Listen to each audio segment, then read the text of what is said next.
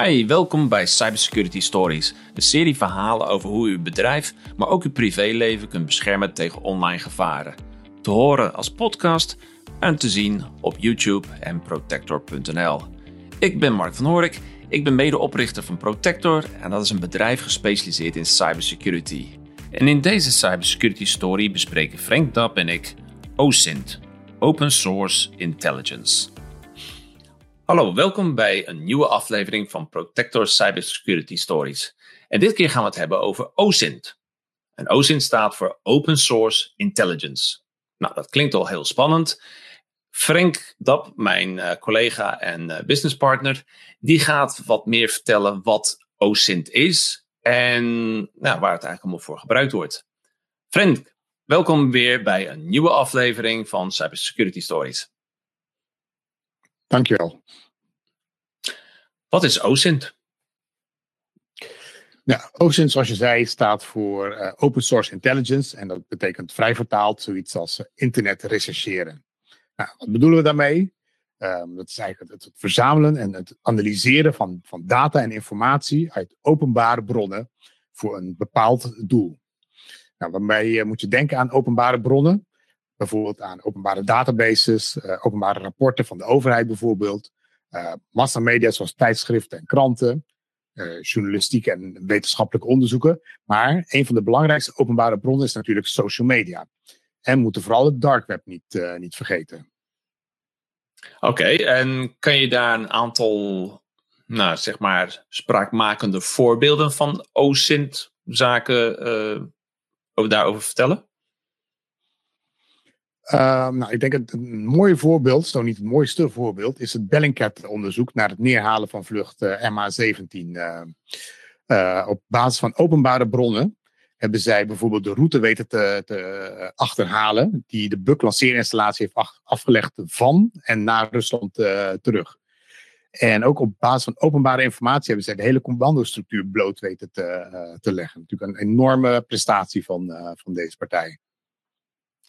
Ja, en dat is natuurlijk wel iets dat heel erg in het oog springt. Uh, maar kan je ook een beetje voorbeelden geven van wat nou, mensen zoals jij en ik uh, uh, met OSINT kunnen doen? Um, ja, met, met OSINT eigenlijk maken we al, al allemaal wel gebruik van, van, van OSINT. Hè? Op het moment dat ehm, ja, je bijvoorbeeld een, een nieuwe persoon, iemand ontmoet en je wil daar wat meer over weten, dan ga je misschien naar Facebook of naar LinkedIn, zoek je deze personen op om uh, daar wat, wat uh, over te, te, achterhalen. Of misschien is een bepaald uh, product wat, waar je interesse in hebt. En daar kun je ook op internet natuurlijk allerhande informatie over, over vinden. Feitelijk doen we allemaal aan OSINT. alleen als we het over OSINT hebben, hebben we het echt specifiek. hebben het over het, het, echt zoeken naar specifieke informatie, ook het koppelen van bepaalde informatie om een bepaald doel te bereiken. Bijvoorbeeld voor crime fighting, hè, voor het bestrijden van criminaliteit. Of misschien wel voor uh, een overheid gebruikt uh, dit soort middelen voor antiterrorisme maatregelen. Enzovoort, enzovoorts. Ja, dus dat is een beetje de, de, de Homeland-achtige situaties. Of ik weet niet of mensen Amazon Prime wel eens naar Mr. Robot hebben gekeken. Daar zie je dus ook veelvuldig allerlei zaken van, van OSINT toegepast. maar vooral in die serie Mr. Robot daar zie je dus eigenlijk uh, hackers aan het werk die door middel van uh, het gebruiken van OSINT proberen achter nou, bepaalde uh, informatie te komen. En daarmee hebben we eigenlijk een beetje een bruggetje geslagen, want daarvoor hebben we het natuurlijk ook onder andere over met cybersecurity stories. Ehm, het zijn niet alleen de good guys die OSINT gebruiken. Er zijn ook de bad guys die hier misbruik van maken. Frank, heb je daar, kan je daar wat meer over vertellen? Ja, helaas hebben hackers natuurlijk uh, en, en, andere internetcriminelen overigens uh, ook OSINT ontdekt. Uh, en waarom is dat voor hun, uh, voor hun belangrijk? Nou, um, als je kijkt naar, naar, naar de hacks, de meeste hacks, de meest geslaagde hacks, starten eigenlijk met een, een, ja, een menselijke fout. Iemand die per ongeluk een phishing mailtje opent of een malafide app installeert bijvoorbeeld. Um, dus voor een, een eigenlijk stap 1 om jou zover te krijgen dat jij op die link klikt of dat jij die malafide app uh, installeert. Nou, hoe krijgen ze dat uh, het beste voor elkaar? Nou, door met, met, een stukje social engineering, hè, door het achterhalen wat jij leuk vindt en wat jou zou bewegen om die actie te ondernemen die zij nodig hebben om jouw computer of jouw netwerk of jouw bedrijf te kunnen, te kunnen hacken. Misschien is het beste om even te illustreren met een, met een voorbeeld. Stel dat jij uh, dol bent op uh, poesenfilmpjes, ik zeg maar even wat. Uh, nou, dan zal bijvoorbeeld jouw Facebookpagina waarschijnlijk er vol van, van staan. En dat ziet een hacker natuurlijk ook. En als de hacker jou nou een mailtje stuurt met um, klik hier voor een filmpje van een nest pasgeboren kittens. En zo'n mail lijkt ook nog eens een keertje afkomstig te zijn van een van je vrienden. Dan is de kans natuurlijk veel groter dat je op, zo'n, op, op die link klikt in de mail. Dan als je bijvoorbeeld een mail zou krijgen over uh, auto's bijvoorbeeld, als je daar helemaal geen, uh, geen interesse in, uh, in hebt.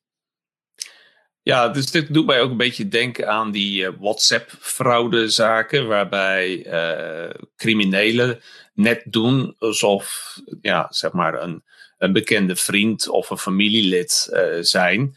En, en ze weten dan soms ook heel erg goed wat er dan speelt. En daardoor zijn ze ook heel erg geloofwaardig.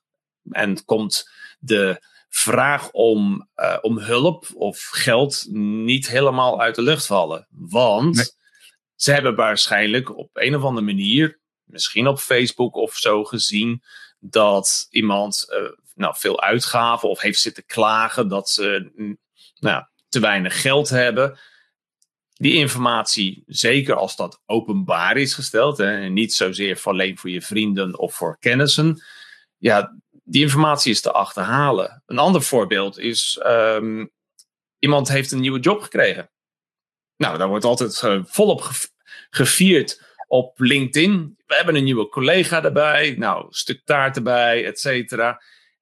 Een hacker die graag toegang wil krijgen tot zo'n uh, organisatie, ja, dat is natuurlijk wel heel erg interessant. Want één keer raden wie ze gaan proberen te benaderen dat is natuurlijk die nieuwe medewerker. Want de nieuwe medewerker is nog niet helemaal op de hoogte hoe alles uh, rijlt en zeilt in die organisatie. En daar kan een, uh, een cybercrimineel uh, misbruik van maken. Frank, heb je daar nog, ehm, nou ja, behalve dit soort voorbeelden, zo, wat, wat, wat kunnen we daar eigenlijk tegen doen?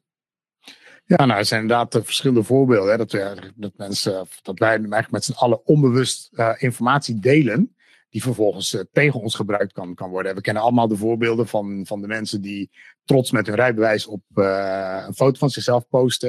En zich niet realiseren dat ze bijvoorbeeld daarmee hun BSN-nummer uh, openbaar maken.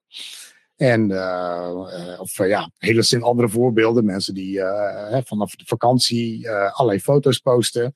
En ja, als criminelen meekijken, weten zij dus dat deze mensen niet, niet thuis zijn.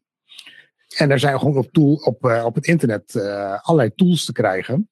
Waar je bijvoorbeeld aan de hand van een telefoonnummer van iemand alle handige gegevens van de persoon kan, uh, kan achterhalen. Dus het is echt zaak om op te letten, om bewust te zijn van welke informatie je openbaar maakt.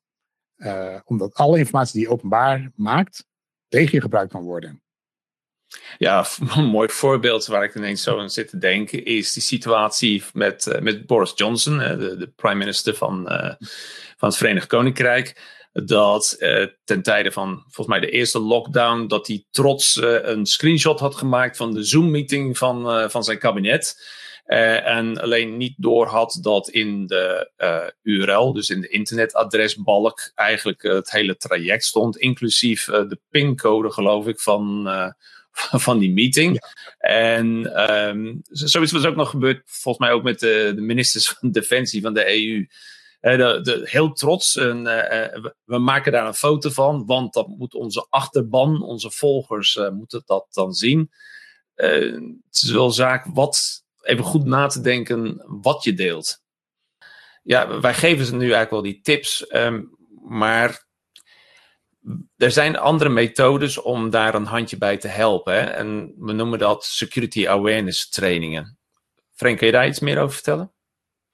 Ja, het is, uh, het is eigenlijk belangrijk voor iedereen om een beetje te, toch wel te snappen uh, hoe OSINT uh, een beetje in zijn werk uh, gaat. Je hoeft er natuurlijk alle details van, uh, van te kennen. Er zijn eigenlijk twee redenen dat het belangrijk is om toch een beetje iets van de achtergrond te, te, weten.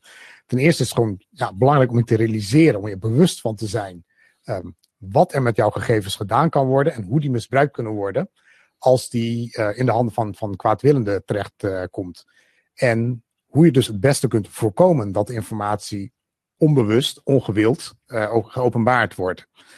Ten tweede is het ook handig om voor jezelf of ook voor de organisatie waar je misschien werkt, na te kunnen gaan of er onbewust, misschien gevoelig of misschien wel zelfs persoonsgegevens gedeeld worden op het internet.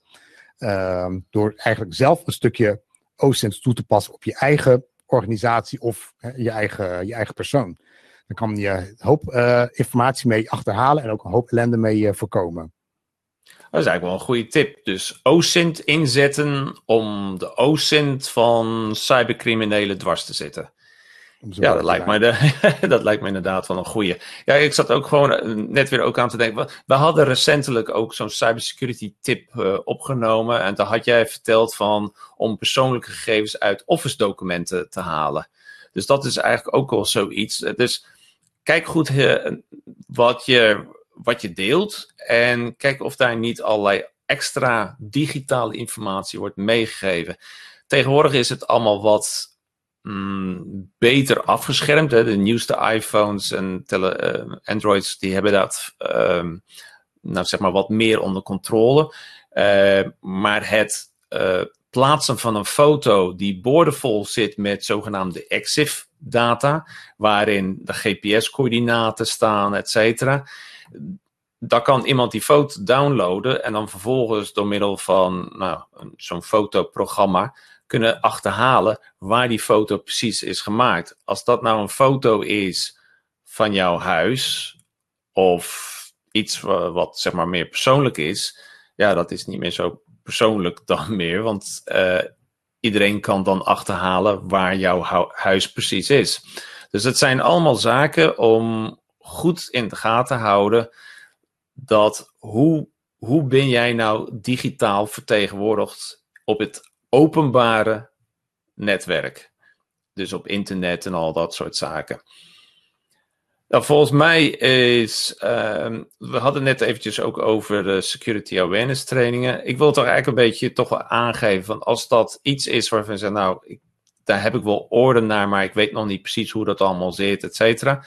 Um, wij werken samen met, uh, met, met Wiser. En, uh, en die bieden een, weliswaar een Engelstalige versie, maar je kan een gratis security awareness training volgen. Dus ik zou zeggen, ja, weet je, probeer het uit. En, en als dat al in ieder geval al helpt om bij jezelf, bij je familieleden en bij je medewerkers uh, toch daar in ieder geval wat meer over na te denken van wat je precies deelt. Nou, dat zal dan al een heel stuk schelen. Als dit een, uh, een onderwerp is en, en cybersecurity vind je um, nou, zeg maar interessant, ja, dan zou ik je toch willen uitnodigen om, uh, om ons te gewoon gaan volgen. Dus abonneer je op uh, Protected Cybersecurity Stories. En dan krijg je iedere keer weer een, een nieuwe aflevering ehm, gemeld. En die kan je dan weer volgen. Frank, heb jij nog iets toe te voegen aan, aan deze aflevering? Nou, ik denk dat we inderdaad wel het, uh, het uh, zo uh, redelijk in kaart hebben gebracht. mocht je nou meer informatie, of mocht je OSINT interessant vinden, mocht je daar meer informatie over willen, kijk er dan eens op osintframework.com. osintframework.com. Daar staat heel mooi uitgelegd wat OSINT is en hoe het allemaal in elkaar steekt. De URL vind je in de beschrijving. Ja, ja, want dit kan je op YouTube. Dan heb je dus de video variant. En dan zetten we dan in de tekst eronder. En je kan dit ook volgen via Apple Podcasts en Google Podcast. En binnenkort ook op Spotify. En dan zie je dat in de show notes, zoals dat heet. Oké, nou dan hebben we hier weer een, een interessant onderwerp over cybersecurity gehad. OSINT. Ik hoop dat jullie het interessant vonden. En hopelijk tot de volgende aflevering. Tot ziens. Tot de volgende keer.